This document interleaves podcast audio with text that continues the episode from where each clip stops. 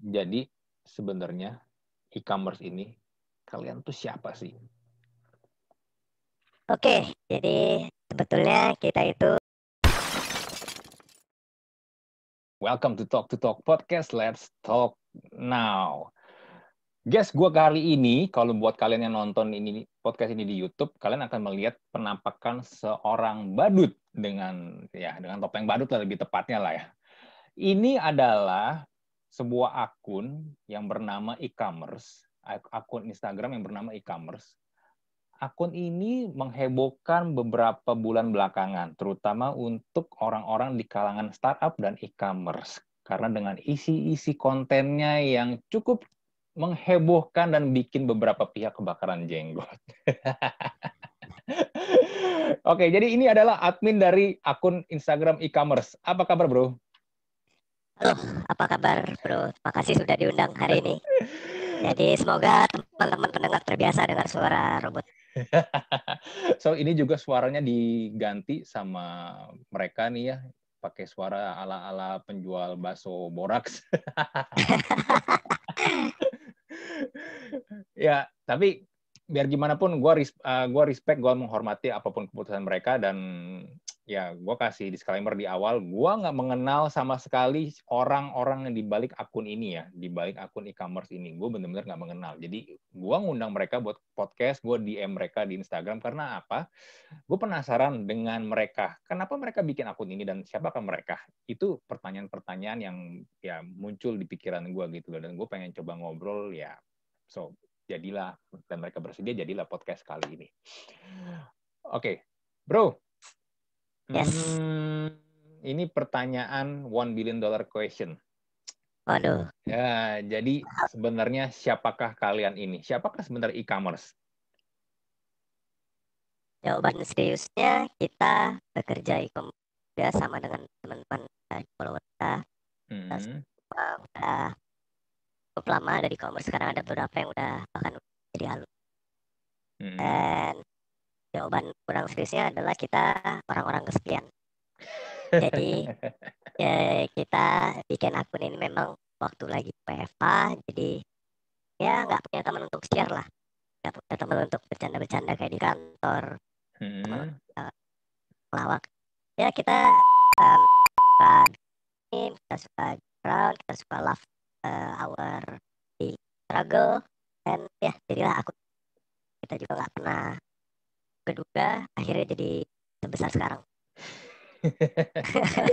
ini ya, ini ini yang gue baca di Instagram kalian ya. Kalian kan ada satu nulis di highlight uh, Instagram kalian tentang about us. About us kalian tulisnya begini, purpose of this account is to reveal another side of the coin which never been told and we make fun of it. It's not all happy and distilling here in e-commerce but it and all that bad either. Jadi menurut kalian ini kalian ini pengen mereveal mereveal sesuatu ya which is ini kerja di e-commerce ya inilah sisi sisi gelapnya kalau gue bisa bilang lah ya the dark side sisi gelap. the dark side of the working in e-commerce ya.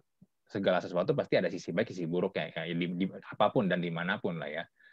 Jadi emang kalian pengennya kayak begitu atau memang sebenarnya gimana sih? Cuman karena yang gue lihat isi akun kan banyak kan satir-satir gitu kan. Iya, jadi ya kalau dibilang tadi di awal kita nggak pernah terpikir untuk bikin akun besar sekarang di mana tempat orang-orang bisa cerita cepat sharing masalah-masalah mereka. Awalnya hmm. memang kita cuma bikin akun ya untuk share meme aja, hmm. ketawain uh, our daily pain aja.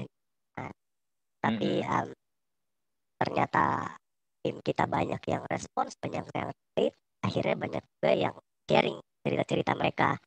Ada banyak juga yang uh, bilang bagus nih ada akun kayak gini. Jadi ada ada pengimbangnya dengan akun-akun live ad live ad uh, yang gak ada yang apa untuk biar band branding.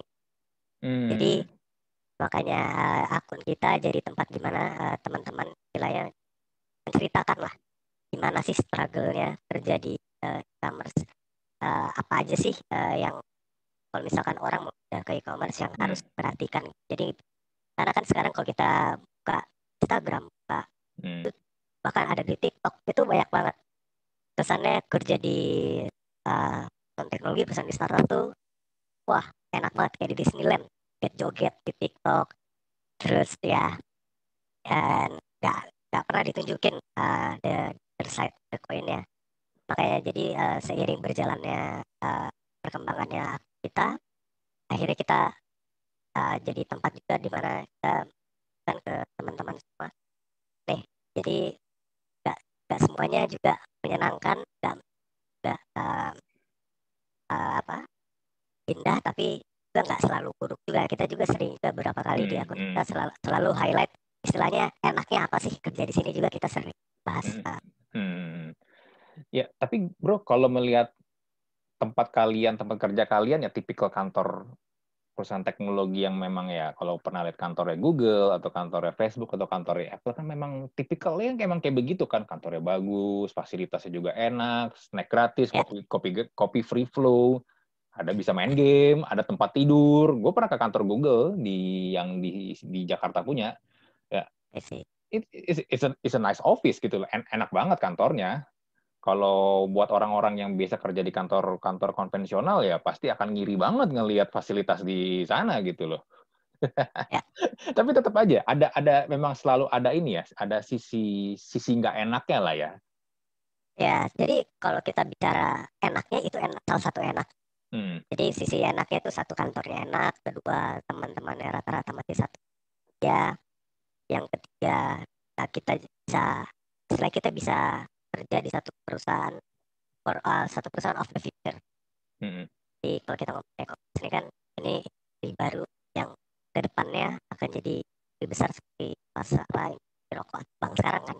Mm-hmm. Ya itu salah satu yang uh, juga enaknya ya kantor uh, bagus, uh, ya mahal. Uh, kalau kayak ada satu kantor toiletnya hangat-hangat jadi banyak yang suka duduk di situ berjam-jam nangis tapi again ya uh, kantor enak artinya kan um, employee-nya memang ya banyak pressure juga jadi kalau kita dapat banyak pressure terus kantornya enak kan setidaknya nggak sepinful itulah hmm. hmm. jadi um, dengan kantor enak ya ya itu juga salah satu plus side ya kerja di e-commerce sih hmm. untuk kita kita juga itu salah satu yang kita syukurin karena ya kan enak hmm. di tengah kota. Oke, okay, uh, eh, before we we are getting deeper, gue penasaran kenapa sih kalian milih akun kalian tuh logonya tuh profile picture kucing. Dan ini kucingnya kucing pakai masker lagi sekarang. Oke, okay, jadi itu juga agak kita ya kita bicara dari awal kita nggak pernah pikir berat-berat berpikir hmm. 10 atau eh, sorry 5 atau 10 tahun ke depan ya apa enggak kita awalnya ya cuma buat bikin akun buat kita kita aja buat bercanda bercanda jadi waktu oh, kita hmm. pikir bikin akun ini kita nggak pakai lama tuh diskusi namanya apa eh, gambarnya apa jadi mungkin teman-teman yang lain kebetulan lagi buka Google cari meme terus lihat gambar kucing ambil aja deh karena kan istilah kalau kucing kan semua orang bisa suka lah hmm. gitu kan jadi ya nggak, nggak kita nggak pakai pikir panjang sih untuk mikir pilih gambar nih Sebenarnya gini, gue gue juga gue gini, gue penasaran dengan kalian kan sebenarnya kan bikin konten ini kan lumayan intens ya, sering banget bikin konten gitu loh. Uh, kadang bisa berapa menit sekali. Gue kalau buka Instagram, toto iya ada aja Insta Story dari kalian gitu. Jadi memang kalian memang sangat sangat ini banget ya. Memang timnya tuh yang bikin akun ini nih memang gimana sih flow flow flow kerjanya atau gimana tuh? ini yang jadi selalu jadi pertanyaan followers kita juga nih. Hmm. Admin admin e-commerce sebenarnya kerja apa enggak sih iya iya kan. kalau ngomongnya kalian kalian pernah juga uh, sebut atau tadi kan lu juga pernah bilang kalau kalian sebenarnya juga kerja kan kerja di ya, perusahaan e-commerce juga sebenarnya kalian semua ini kan. Tapi gimana kalian maintain akun ini begitu sering? Ini followers 19.700 ratusan lah ya. Iya, dikit lagi 20K. Ya. Dikit, dikit lagi 20 dikit lagi 20K. Ini ini salah satu akun yang menurut gue perkembangannya followersnya ini gila sih. Cepet banget. Iya, itu salah satu tipsnya kenapa bisa growth kayak gitu karena kita juga regular post. Nah, terus pertanyaannya gimana kita bisa regular post sambil kerja kan? Hmm. Itu juga ya itu juga salah satu one billion dollar question orang selalu tanya itu. Hmm. Ya, memang betul kita eh, kita ada enam di balik akun ada enam orang. Hmm. dan kita beberapa dari kita itu ada di perusahaan yang beda-beda. Hmm. jadi kalau misalkan teman yang admin yang saat lagi nggak bisa posting ada yang cover. Kalau misalkan ada satu admin yang lagi free dia yang balas-balasin DM atau dia yang post repost di story. Jadi kita memang eh, di e-commerce ini kita udah kita udah punya ya mungkin semacam SOP lah kalau mau kalau mau repost tuh kayak gimana kalau mau bikin caption tuh harus kayak gimana terus Hmm. yang yang nggak boleh dibicarain tuh apa juga ada kayak gitu. jadi memang kita ya udah mirip-mirip perusahaan e-commerce lah kita udah agak serius sudah ada SOP-nya yang yang belum ada payroll-nya aja sekarang Pero lama ini dong. Maksudnya dengan followers kayak gini udah bisa bisa ini dong open for endorse nih. itu yang sampai sekarang kita masih istilahnya kita masih masih in dis- discussion di dalam. Kita juga nggak mau jadi apa jadi akun tempat jualan pembesar uh, payudara atau apa di badan uh, jualan akun kita kita nggak mau. Kita juga nggak mau banyak banyak iklan. Ya kita juga masih cari-cari modelnya gimana. Karena Hmm. follower kita juga udah selalu bilang "Ben, please please banget. Kalau bisa nanti kalau udah besar jangan jangan pernah apa jadi advertise jadi terlalu banyak advertising Hmm. jadi kayak story-nya Aukarin katanya titik titik titik tapi iklan Ya, tapi gini loh, akun kalian kan emang udah udah ya, gue sih sebenarnya gini, gue tahu akun kalian ini karena waktu itu HRD Bacot, akun Twitter HRD Bacot tuh nge nge-post salah satu postingan kalian di Twitter gitu loh. Dan pas gue lihat gue penasaran loh, ini akun apa nih? Tapi isinya lucu gitu loh. Buat gue ya, Iya, ini iya. buat gue konten-konten kalian itu isinya lucu. Bukannya ya, ya mungkin ya buat ada beberapa pihak mungkin nggak nggak suka atau bagaimana. Tapi gimana ya, namanya oh juga orang tersinggung kan lu nggak bisa ngatur kan. Kadang-kadang kan kadar Ya. ketersinggungan orang kan. Tapi buat gue akun-akun kalian ini lucu sih. Ini akun fun, apalagi emang akun meme kan basically. Iya, ya itu juga kita oh, pertama kita mau terima kasih juga ke HRD Bacot karena kalau nggak karena HRD Bacot kita tuh juga bangun pagi tiba-tiba "Waduh, plus 2000 follower nih gara-gara HRD Bacot ternyata. Dari post postingan kita. Jadi itu pertama kita mau thanks ke mereka juga. Yang berikutnya soal apa akun kita isinya bercanda-bercanda tapi ada yang tersinggung ya.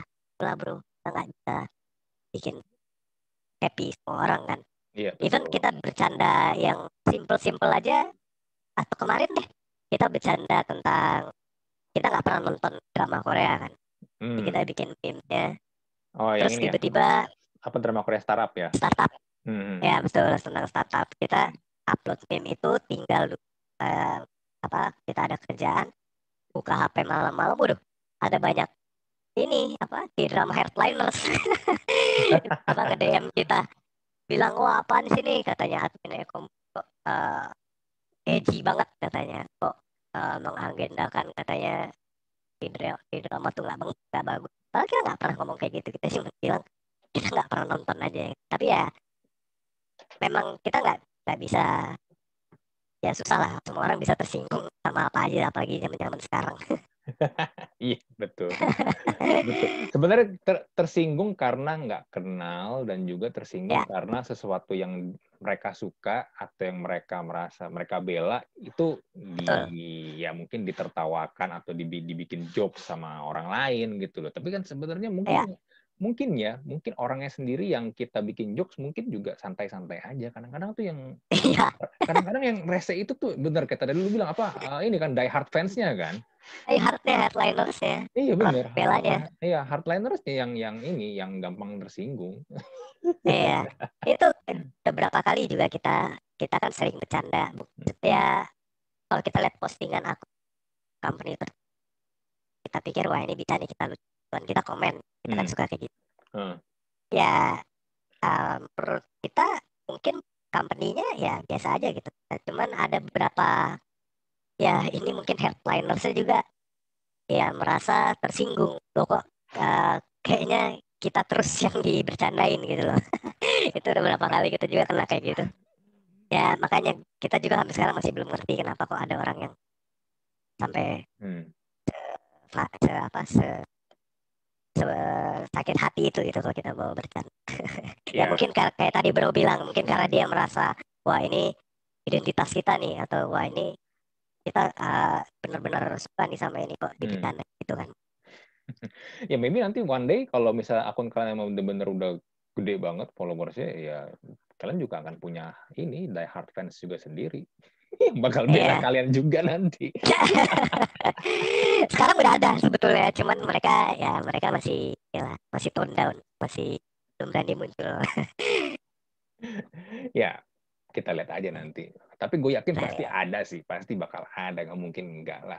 Apalagi dengan ini bro bro bro Andri kan salah satu die hard fansnya kita juga. Bisa undang podcast. Kalau buat gue membuat gue jadi die hard fans ini dong, ada ada harganya dong. oh iya. Oke kita bicara habis uh, podcast ini. Oke, gue ini deh, gue gue mau ke pertanyaan berikutnya yang lebih serius nih. Eh, apakah memang kerja di e-commerce memang sekacau itu kah seperti yang kalian posting selama ini di konten-konten kalian itu loh? wah hancur hancur. Parah bro. Enggak enggak. Maksudnya joking. I'm joking. Just kidding. Jadi kalau dibilang hancur banget Hmm. ya di mana mana namanya kerja ya pasti ada uh, black and white ya kan ada yang Hmm. bagusnya ada yang jelek kalau hancur banget bilang hancur banget juga enggak sih cuma ya mungkin challenge atau tantangan yang uh, pekerja ekonomi rasakan ya agak berbeda dengan perusahaan-perusahaan konvensional atau korporat yang lainnya Hmm. karena salah satu pembedanya adalah kalau di e-commerce ini kan pace-nya sangat cepat. Perubahan bisa jadi kapan aja. Hmm. dan juga uh, perubahan itu bisa macam-macam. Ada perubahan strategi perubahan manajemen perubahan platform atau bisa terjadi sangat cepat. Jadi kita yang di dalam ya otomatis di expect berkembang dan bergerak cepat juga. Gitu kan. Hmm. Nah, makanya akhirnya banyak yang struggle eh, karena nggak bisa up sama pace-nya. Sebenarnya kalau dibilang hancur banget juga Emang seberapa cepat sih? Maksudnya kan ya kadang-kadang perusahaan-perusahaan lain pun juga kalau memang lagi dituntut untuk kerjanya cepat ya juga cepat gitu. Teman kadang-kadang kan kata dituntut serba cepat itu kan suka bias kan, subjektif banget gitu. Nah, contohnya tuh secepat apa sih gitu loh? kita ambil contoh satu perusahaan aja misalnya ada satu perusahaan eh, kita namanya Hmm. itu ya tahun lalu kita tahu dia cuma eh, jualan barang aja e-commerce aja nah, cuman Hmm. sekarang tiba-tiba udah bergerak mau ek- ekspansi ke food delivery Hmm, oke. Nah, Terus eh, belum lama lagi kita dengar eh, fintech-nya juga udah lumayan kuat. hmm. Jadi ya itu. Jadi kalau kita bicara perusahaan konvensional mungkin dalam 4 sampai lima tahun mereka masih stay dengan satu bisnis line Hmm. atau mereka masih ya misalkan eh, e-commerce ya dia masih di saja. Cuman ada eh, top tech eh, company itu ya mereka bergerak sangat cepat. Mereka buka finance baru eh, ekspansi timnya juga agresif kayak kemarin kita sempat posting di story kita tuh kalau Hmm. ya, kita kan posting tiap company uh, hiringnya seberapa cepat itu ada satu company yang uh, last uh, six months itu mereka 30% pertambahan uh, hire itu kan Hmm. lumayan signifikan Iya, betul. ya kenapa kenapa uh, perlu pertambahan sebanyak itu ya pasti karena mereka bergerak sangat cepat dan harus banyak kayak gitu kira-kira Hmm. Nah, berarti kan dengan dengan bertambahnya jumlah timnya, jumlah orang yang di hire itu kan harusnya lebih enak dong kerjanya dong, karena kan yang ngerjain juga juga jadi lebih banyak. Tapi memang ap- apakah memang nggak bisa mengcover load kerjaannya sampai benar-benar separah itu kah? Karena gini, kalian sering banget bilang kan eh, kerja di e-commerce itu 25 jam sehari ya. Gue tahu itu itu itu sarkas gitu loh kan karena kan sehari kan 24 jam gitu. Apakah memang sampai segitu ya juga? Jadi kalian tuh kayak nggak ada waktu break sama sekali atau gimana sih? udah berasa kayak terjadi potik ya Iya, iya. tapi Apotek 24 jam bener. udah kayak kayak 24 but okay. Hmm. ya eh, mungkin karena uh, kalau kita ngelihat orang uh, overload uh, dan ada beberapa kemungkinan. Hmm. Itu pertama mungkin ya orang bersangkut orang bersangkutan nggak bisa prioritas kerjaan yang pertama ya. Hmm. Jadi mungkin mereka uh, kerjain semuanya itu yang kita selalu uh, notice orang hmm. terlalu multitask dengan kita ini kan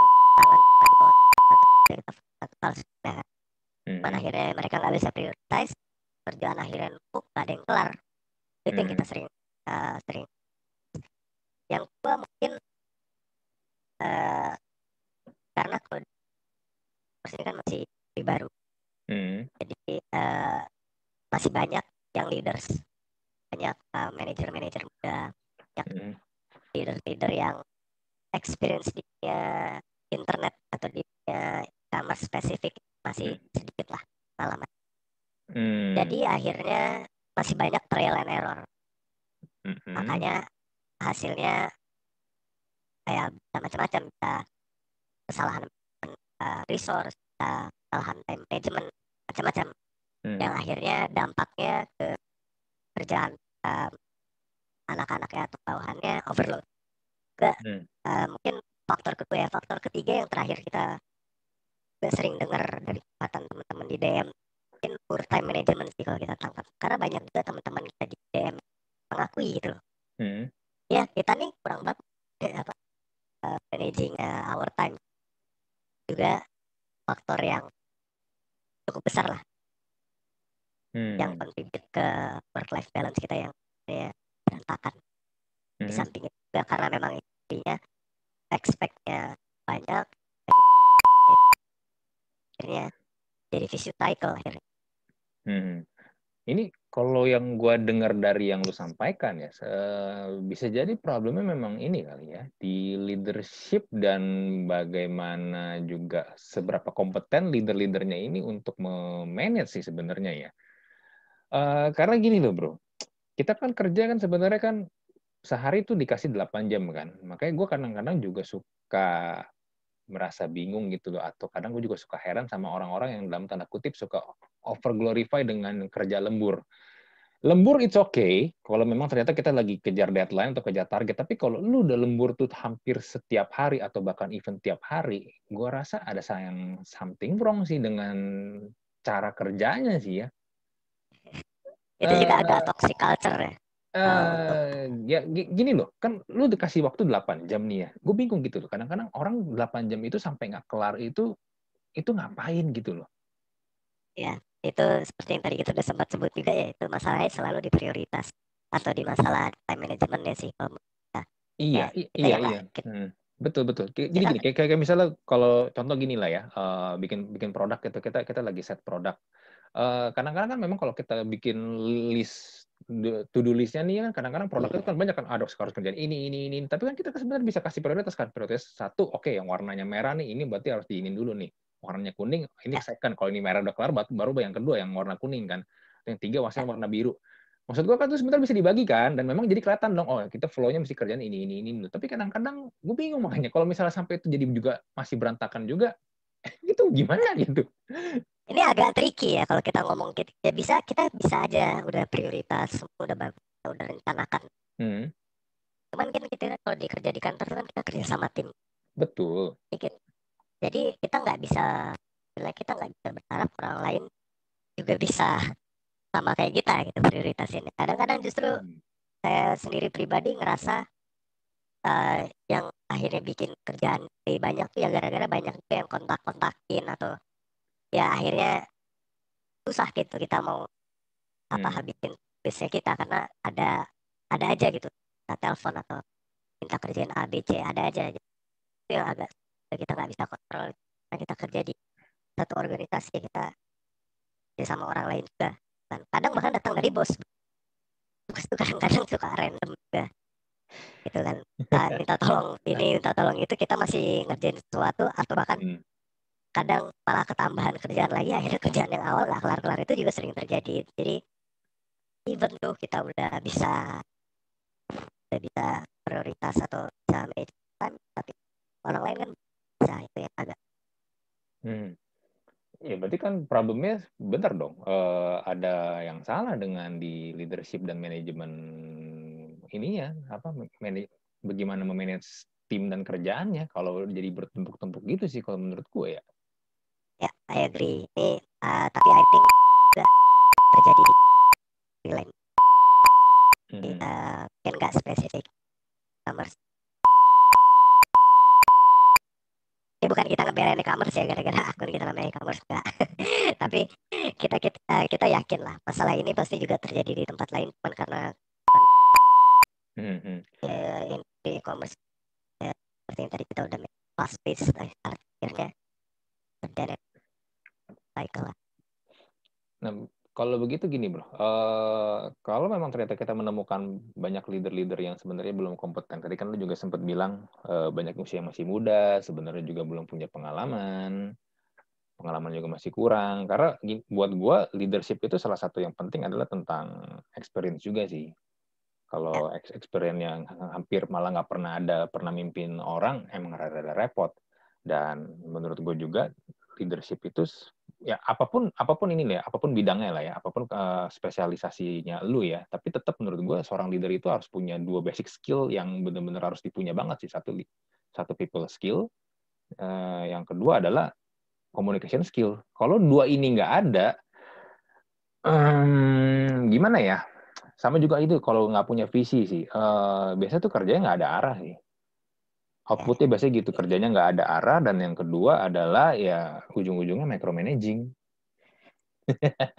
Biar kelihatan kerja aja biar kelihatan kerja aja. Ya micromanaging itu sih selalu juga jadi isu uh, di teman-teman e-commerce semua teman-teman e-commerce juga selalu kalau cepat yang besar pasti apa micromanage itu yang agak repot. Hmm. Ya. yeah ya gitulah kita ya kita juga sampai sekarang mau gimana lagi kalau untuk uh, itu mengenai apa Mike. Hmm.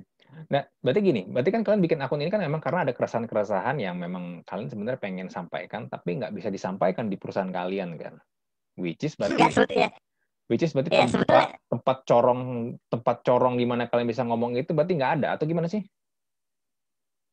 Itu jadi ya sebetulnya kita nggak tadi kita cerita kita nggak pernah kebayang jadi media seperti sekarang paling cuma karena kebanyakan sekarang orang datang ke kita hmm. cerita akhirnya kelihatannya kita jadi corong atau bahasa kerennya whistleblower deh gitu kan hmm. Iya, whistleblower bener-bener. Kalau corong bahasa kayak lokal banget kita pakai bahasa yang itu buat whistleblower. Hmm. ya kita sebetulnya juga nggak mau. Jadi akun follower cuman karena awal follower kita banyak sama kita ternyata banyak banget yang relate. Ya kita jadi kita jadi tempat kayak ya tempat sharing teman kan perasaan kan kalau ditanya. Emang nggak ada tempat lain untuk uh, nyampein perasaan atau sahih ya ada sebetulnya harusnya di setiap company harusnya ada kan mm-hmm. kan harusnya ada di under um, HR mm-hmm. ya under ya, team nah kalau mereka akhirnya datang ke promosi ya kita berarti kita sambil kita ya mm-hmm. kenapa kok karena yang datang nggak nggak dikit juga bro kadang-kadang dalam satu hari itu kita bisa handle DM sampai 100 sampai 200 DM mm-hmm. dan kebanyakan mereka cerita tentang isu-isunya mereka atau basically ya sharing painnya mereka gitu. Kita ya kita akhirnya ya dengerin kita lihat usaha konsol akhirnya ya. kita malah jadi kayak yang HR-nya di company mereka gitu kan. Malah akhirnya ngambil kerjaan mereka kelihatannya gitu nggak digaji lagi kita.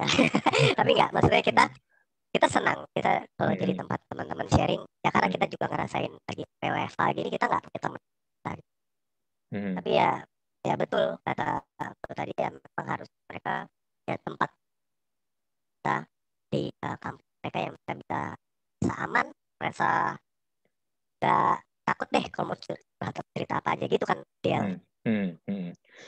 Um, karena lu mention tentang HR nih, talk about HR ya. Uh, gue pernah bikin podcast juga uh, sama salah satu HR lah. Gue bertanya sama HR gini loh, karena menurut gue HRD itu yang gue lihat adalah nggak berguna. Nggak berguna dalam arti kata begini, kebanyakan HRD itu cuma menjalankan fungsi fungsi administrasi, ya cari karyawan baru, rekrutmen, uh, gaji, penggajian, atau mungkin kalau ada yang ini ya kasih SP atau kasih teguran, udah banyak yang gue cuma begitu doang fungsinya. Tapi sebenarnya kalau lu mau jabarkan kata HRD itu kan human resource development kan, ada kata human dan ada kata development di situ. Dan yang menurut gue ini yang suka miss juga sih. Hmm, dan juga nih ya ada satu quote dari temen gue yang HRD ini nih yang kemarin jadi guest di podcast gue uh, ini gue gue gue setuju sih. Menurut dia adalah HRD itu harusnya posisi ada di tengah-tengah. Jadi HRD itu nggak boleh nginjek ke bawah dan juga nggak boleh ngejilat ke atas. Tapi the problem is HRD ini kan kebanyakan ya di hire sama yang punya perusahaan kan which is bosnya kan. Nah jadi kebanyakan akhirnya kecenderungannya ya itu ngejilat ke iya. atas. yeah eh, ya. ya kita setuju. The ugly, setuju, truth, maksudnya, the ugly truth kayak gitu kan. Ya kita setuju maksudnya yang namanya HR ya HR itu kan harusnya nggak cuma payroll, nggak cuma hiring gitu kan. Hmm. Ya kan? Hmm. Dia juga develop the uh, the resource human kan. Kita, hmm. uh, makanya harusnya mereka juga nggak cuma ya tadi hiring atau payroll tapi juga ada pelatihan atau ada juga dengarkan masalah-masalahnya hmm. uh, employee-nya uh, sendiri gitu kan harusnya lebih dari itu gitu harusnya lebih besar dari itu nah cuma hmm. Hmm. kalau kita pikir ya pertanyaannya mereka apakah mereka punya keahlian ya sebetulnya nggak perlu keahlian-keahlian yang keren apa gitu kita cuma kadang kan kita cuma perlu orang nah, karena cuma kita sering juga ngerasa kita tidak aman sharing kayak gitu aduh kita ya deh dengan kita curhat sama e-commerce saja kalau curhat kamu nggak tahu deh nanti tahu-tahu tembus deh ke manajer gue kan kita nggak tahu. Iya. nah mungkin ada banyak ada kayak gitu. jadi, jadi cepu yang ada ntar kan? Makanya nah itu. Mungkin tadi yang tadi bro bilang apa? Dia ini uh, kalau bisa nggak ke bawah gitu kan? Harusnya kan hmm. ya apa, kalau misalkan ada perasaan namanya tak aman cerita ke mereka ya berarti ada yang salah. Ya kan? Cara hmm. hadir di jadi yang mengayomi lah itu hmm. Uh, ya teman menurut gue gini loh ini ini masalah di mana-mana sih. Gue yakin every company juga punya masalah di sini juga karena yang gue perhatiin cuman malah gue bisa bilang cuma satu perusahaan doang di Indonesia yang HR-nya tuh bagus banget gitu loh. Dan semua lulusan perusahaan itu oh ya di mana bro? Ya Astra. Kita siapin CV lah ya situ ya. Ya tapi beneran uh, menurut gue yang HR-nya bagus dan juga apa trainingnya development people itu bagus itu mostly itu Astra. Gue gue bilang sih cuma Astra doang sih di Indonesia ya yang keren banget ya uh, dan dan rata-rata orang-orang yang juga lulusan sana yang keluar dari sana dan akhirnya di, di tempat kerja baru lu bakal lihat kualitasnya itu beda banget memang. Nggak bohong. Dan mereka salah satu perusahaan, salah satu salah satu perusahaan yang memang juga udah lama banget settle di sini kan di Indonesia kan. Ya, penasaran juga kenapa bisa paling Ya, mungkin boleh gali-gali. Siapa tahu lu lu, lu, lu, lu, lu, lu, bisa lu bisa menemukan dan akhirnya jadi jadi konten di tempat lu. Uh, ya, yeah, anyway, uh, tadi kan lu sempat bilang juga uh, work work life balance-nya juga nggak nggak jelas. Jadi kadang-kadang juga lu bisa jam berapapun, berarti lu bisa juga disuruh kerja dong. Itu yang juga harus dilatih sebetulnya kita hmm. harus bisa namanya uh, stay no karena kalau kita yes jadi yes man aja itu ya akhirnya kita bakal hurt ourselves nanti malam atau weekend itu kan not ideal ideally mm -hmm. kan kita kerja ya within the work time mm -hmm. kan nah, makanya uh, salah satu yang teman-teman perlu atau teman harus latih saying no itu kita sendiri sih sebetulnya juga masih struggle ya. Kita kita nih kalau jadi pembicara ini selalu kesannya kita wah hebat sekali. Enggak kita juga masih struggle kok. Makanya Hmm. kita bikin tim terus kan tiap hari. Jadi kita juga sama masih struggle juga kita karena nggak selalu macam-macam situasi kita bisa melakukan yang ideal. Hmm. banyak lah eh, faktornya. Ya, tapi em, kita harusnya ya kita juga tadi bilang ya itu pinus Hmm. Tapi apakah bisa say no ke misalnya let's say yang minta adalah bos lu atau atasan lu langsung, eh nggak bisa nih, gue gua gua udah mau tidur atau enggak, gue gua lagi cuti, lagi berlibur nih. Can you do nah, that? itu bro tadi yang kita bilang nah itu yang tadi kita bilang nggak bisa bro makanya kita nggak- nggak selalu nggak selalu bisa kita lakukan karena kalau yang datang bos atau ya bos kan yang nilai uh, Hmm. OK, OK, OKR atau hasil uh, akhir kita kan Hmm. seperti apa gitu penilaiannya kan. Hmm. yang uh, performance kita kan bos kita itu yang Hmm. lebih harus kita juga masih struggling kita Hmm. belum dikasih advice kita cuma bisa kasih. Hmm. Nah, cuman gua gue tetap aja gue gue masih bingung ya sama orang-orang yang jam 11 atau jam setengah, setengah 12 malam itu WA nanyain kerjaan itu gue kadang-kadang bingung mereka tuh hidupnya tuh ngapain ya? Apakah apakah nggak ada kerjaan lain? Nggak? Apakah hidup mereka nggak bahagia jadi hidupnya di kerjaan doang atau gimana sih?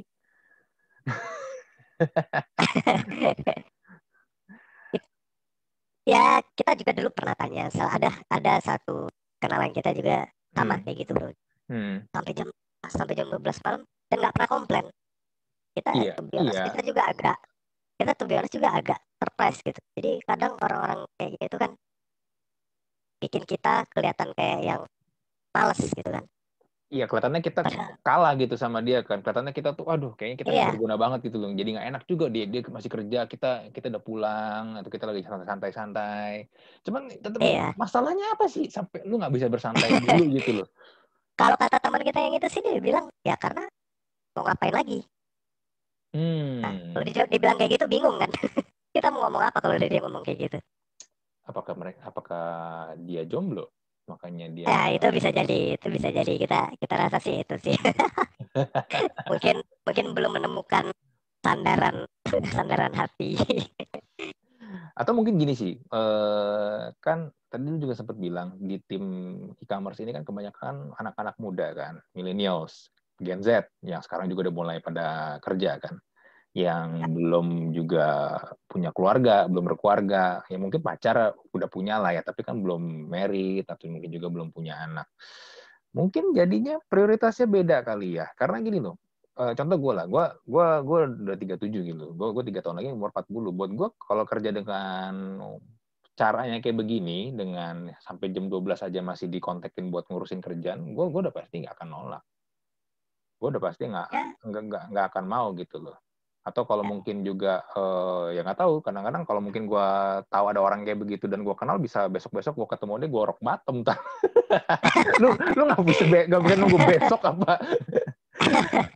Ya tapi memang gini eh, the point is mungkin masalah priori- prioritas bener kali. Mungkin eh, karena ya mereka udah nggak mereka emang nggak punya kerjaan lagi selain mungkin kerjaan. Beda kalau gua ya gua kan mungkin eh, urusan gua prioritas gua udah macam-macam udah udah banyak yang nggak cuma hanya kerjaan doang kan. Ya kalau untuk ini kita mungkin setuju sama bro ya. Mungkin itu salah satu masalahnya karena mereka belum punya komitmen anak istri. Mhm, Jadi, waktu 24 jam itu ya buat dia. Mhm, gitu kan nggak nggak perlu dibagi-bagi lagi. Mhm, itu salah satu masalahnya. Akhirnya mereka nggak punya rem atau nggak punya batasan kapan harus stop kapan harus uh, spend waktu sama keluarga spend waktu sama teman. Itu Hmm. yang akhirnya uh, mereka ini gitu mereka rasakan. Akhirnya mereka nggak merasa ya udah nggak ada kerjaan lagi. Mhm, satunya yang kita lakukan ya kerja ya itu bisa jadi salah satu alasan sih menarik itu bisa jadi studi kasus Uh, apakah top manajemen dari para company-company e-commerce ini aware gak sih dengan hal ini? Apalagi kan dengan kalian juga sekarang ya dalam tanda kutip bersuara dan suka ditu dan dituduh whistleblower. Apakah jadi pada aware gak sih? Oh, ternyata memang sebenarnya company gua ada ada problem kayak begini nih, atau jadinya malah di it go aja ya udah lebih bodo amat gitu, merem aja gitu loh. Gue yakin aware sih gue yakin mereka aware dan gue juga udah ngeliat ada beberapa yang dilakukan lah untuk uh, mungkin uh, employee kerja di jamnya gitu. Bahkan ada beberapa uh, company yang temen kalau misalkan weekend atau misalkan kalau hari saat nggak ada meeting deh hmm. biar kalian fokus uh, kerjaan biar nggak carry over sampai ke weekend itu ada beberapa hmm. nah, itu kan um, satu dari sekian banyak yang bisa dilakukan tim. Hmm.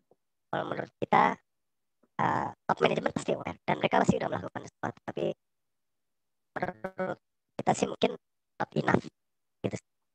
Hmm.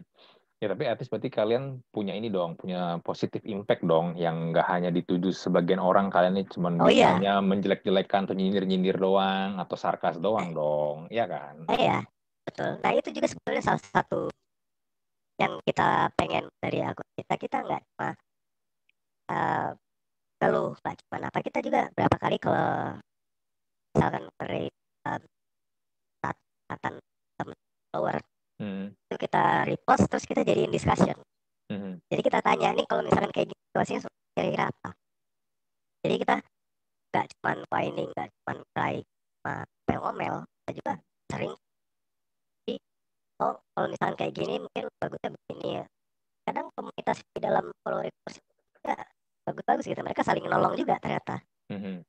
kita ya itu kita sebenarnya pengen ngasih positif impact sebetulnya kita nggak pernah uh, ada tuan untuk jelek-jelekan atau jatuhkan perusahaan nggak pernah kita mm. uh, hadir ada di mana teman-teman jadi tempat curhat uh, teman-teman Hmm, hmm.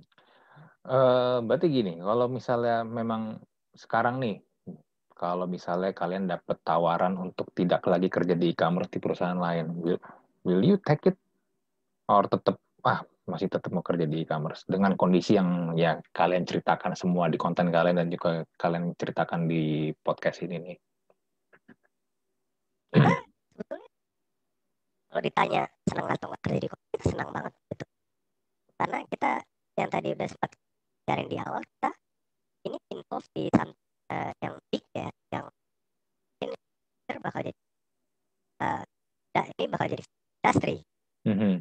jadi kalau misalkan ditanya uh, kalau ditawarin ke tempat lain mau atau enggak ya tergantung mau ke mana gitu kan mm. itu kan kalau kita mau kalau kita bicara kalau perusahaan kan banyak faktornya mm-hmm bisa faktor uh, salary increment bisa macam-macam hmm. tapi uh, sekarang sih kita masih oke okay industri hmm. terus kalau misalnya kita bikin konten tentang struggle atau pain ya bukan berarti kita nggak suka dengan yang nggak atau kita nggak suka dengan kita ya mau pengen love of uh, our daily struggle aja. Ya biar nggak hmm. gila bro. Kalau nggak gila ini. Lagi WFA nggak ada teman buat curhat kan? Di salah satu cara coping mekanisme kita ya bikin hmm. ketawa-ketawa bareng teman-teman rame-rame hmm. itu kan tuh sama kayak istilah sama kayak kita nongkrong di kantin deh lagi makan hmm. ketawa-ketawa yang gak ada bedanya cuman kan sekarang lagi WFA apa kayak Hmm. jadi sebenarnya, jadi sebenarnya gini loh. Jadi yang gue tangkap dari yang lu sampaikan ini, berarti sebenarnya kan memang tujuan kalian kan emang pada basicnya itu kan emang nggak mau ya merusak image atau brand suatu perusahaan kan. Cuman pengen pengen pengen say something yang mungkin udah jadi ya unek-unek udah dari zaman kapan lah. Makanya pengennya tapi disampaikan yeah. dengan cara yang lebih kreatif, dengan cara yang yeah. lucu, yang fun. Ya, kadang satire gitu kan. Sebenarnya kalau dibilang tiga goal utama uh, aku kita itu satu ya fun itu sih hmm. paling penting. Kita hmm. emang cuma pengen bercanda, pengen ngelawak hmm. ya. Hmm karena nggak kesampaian mau ngelawak stand up komedi kan ya udah bikin aku tim nah yang kedua goal kita ya kita jadi tempat buat discuss uh, office itu aja Mhm. kalau teman-teman mau ya teman cerita atau teman datang ke ya kita bisa ngobrol-ngobrol kita juga nggak cuma nyanyiin tapi kita juga cari ya sama-sama Mhm. ya kan nah, yang ketiga mungkin kita juga sering ini kok bro kalau lu perhatiin kita sering uh, jadi tempat diskusi topik apa aja teknologi yang menurut kita jadi bagus gitu akun kita jadi tempat sharing uh, knowledge tempat uh, sharing insight kan Mhm. Betul, betul, ada gunanya juga kita nggak cuma ngelawak ngelawak ngelawak tapi juga ada bagian yang insightfulnya juga Mhm. itu sebetulnya kita tiga uh, kekuatan uh, e-commerce sekarang Mhm. Nah, waktu itu gue sempat liatin ada satu Jadi bisa jadi ada ada ada satu konten. tapi bisa juga teman ngobrol Hmm. Ya, gue setuju sih. Eh, nah, ngomong-ngomong nih, gue waktu itu sempat lihat ada satu postingan lu, lu orang ya kalau nggak salah, gue lupa kalau nggak salah. Topiknya tuh tentang ini loh. Eh, ada satu akun lain yang bilang kalau mau kerja di perusahaan-perusahaan startup yang gede-gede itu tuh katanya itu eh, susah. Lu harus eh, bisa bahasa Inggris lah, lu harus bisa penampil. Dia lebih menyorot penampilan ya kalau nggak salah ya. Lu harus punya gadget yang kayak begini lah, jam tangan lu harus begini, begini, begini. Ya kan pernah ada kan kalau nggak salah waktu itu ya. Iya iya betul itu dari Twitter Iya, iya, iya, dari- Twitter, dari Twitter. Apakah memang begitu? Apakah memang yang harus kalau kerja di perusahaan-perusahaan startup, apalagi startup startup gede gitu, harus yang hype gitu? Harus yang hype bis kah? Yang kalau dari atas ujung kepala sampai ujung kaki itu 70 juta. Jadi kalau kita ngomong ini sebenarnya nggak ada relevansinya sama sekali. Tapi Hmm. baju apa aja yang ada kita kalau masuk ke kita interview yang ditanya itu ya orang yang nggak pernah tanya jam apa atau sepatu apa kan. Hmm. Jadi kita kemarin discover akun itu juga agak agak agak lucu ya, dari the follower kita DM bilang admin lihat dong nih ada yang ngomongnya emang bisa kerja di persis jadi stereotype kan kalau kayak gitu Hmm. Hmm. stereotipnya kalau jadi komersi anak-anaknya harus dia bilangnya pakai HP iPhone Hmm. atau sepatu baju-baju mahal kita dengarnya lucu maksudnya relevansinya apa gitu ya kan Hmm. Hmm. kerja di mana aja mau pakai baju apa aja nggak ada hubungannya kita jadi agak nggak dibilang tersinggung nggak cuman kita nggak tahu datang dari mana stereotip kayak gitu jadi kita nggak ada relevan sama sekali Hmm. Hmm. Oh, kalau mau ngomongin soal baju atau apa itu kadang-kadang bos-bos kita yang di startup itu datang ke kantor mau pakai sweater, datang pakai sandal, paling datang pakai baju kaos sudah nggak ganti-ganti berapa hari. Jadi kita nggak ngerti makanya dia ngeliat mungkin habis ngeliat ini kali lihat TikTok di apa di satu kantor terus ngeliat tuh anaknya cakep-cakep ya Iya, jangan-jangan harus kayak gini kali kalau mau masuk ke e-commerce ya itu kan brand employer kan. Mau biar gimana pun ya harus saya kasihnya yang bagus-bagus dong. Ah, iya makanya Masa lu Jadi, kasihnya tapi yang itu agak kucel-kucel backfire kucel-kucel ya nggak laku dong. Iya, eh, makanya kita kita kemarin sempat bercanda sama follower "Wah, ini mungkin orang sakit hati kali ini nggak Hmm. terima di top company. Terus dia kesel ngeliat orang-orang cakep-cakep pada TikTok kan. bisa jadi, bisa jadi. Bisa jadi. Eh, terus ada problem apa lah nggak sih bro? Biasa yang kalau kerja di e-commerce tuh, eh, selain tadi yang dulu sebutin dari work life balance, time manajemennya yang kadang nggak jelas, terus juga ya mungkin kadang-kadang leader-leader juga masih pada muda-muda, belum pengalaman, jadinya mungkin banyak yang belum kompeten sebenarnya, tapi udah harus kerjain. Ada lagi nggak? Ya kalau kita ngomongin kalau ditanya kayak gini, jujur gue agak bingung. Hmm. Kalau tiap hari kita nangis-nangis kerja, tapi kalau ditanya apa aja yang um, mungkin salah satunya ya yang tadi udah sempat disinggung sedikit ya kita kalau kerja di teknologi ambil semua um, target atau KPI-nya. Hmm, hmm, hmm. Kenapa kenapa begitu ya karena mereka kan kejar growth investor-investor mereka ngejar Hmm, cepat balik modal mungkin betul. paling cepat kurang tahu lah. Ya, cuman yang kita tangkap ya dengan KPI yang sangat dan kadang nggak masuk akal ya. Berarti kan mereka memang ngejar yang besar kan. Nah, yang, yang besar dengan yang gak, gak sama pace nya dengan target growth ya akhirnya kan yang yang sengsara kan yang di bawah-bawahnya yang eksekutornya. Kita kuda-kuda kayak kita ini yang akhirnya harus lari kencang terus kan. Hmm. nah itu yang juga sering jadi ya salah mungkin kalau kita bikin faktor hard ya e-commerce salah satu. Hmm. ya mungkin itu salah satu dampak kalau startup udah dapat investor ya. Apalagi kalau investornya udah funding dengan dana yang begitu gede ya bisnis ini bukan bisnis uh, sosial, bukan bisnis belas kasihan sih, to be honest. Kalau lu udah ada yang ngasih duit ya pasti mereka akan menuntut supaya dapat return secepat secepatnya. Dan kadang-kadang e-commerce ini kan kebanyakan juga belum bisa make a profit kan. Revenue ada, tapi kan bakar duitnya juga gede, bener itu juga gede kan. Wah. Ya, salah satu yang mereka suka tanyakan pasti ya pengalaman gue juga dengan investor adalah kapan nih bisa ini uh, dapat returnnya kapan nih bisa make profit? Iya. Ya dengan ya gini deh semakin banyak dibakar berarti kan semakin banyak yang diharapkan untuk balik kan? Betul. Betul ya pasti. makanya akhirnya ya misalkan kita istilahnya spend buat marketing 200 misalkan ya maunya ya kembali ya kalau bisa berapa kali lipat dari situ nah itu yang akhirnya jadi KPI kita kita hmm, jadi hmm. balik di balik apa hmm. peran ongkos ya sebenarnya di balik itu ada kita kita yang sengsara uh, ngejar target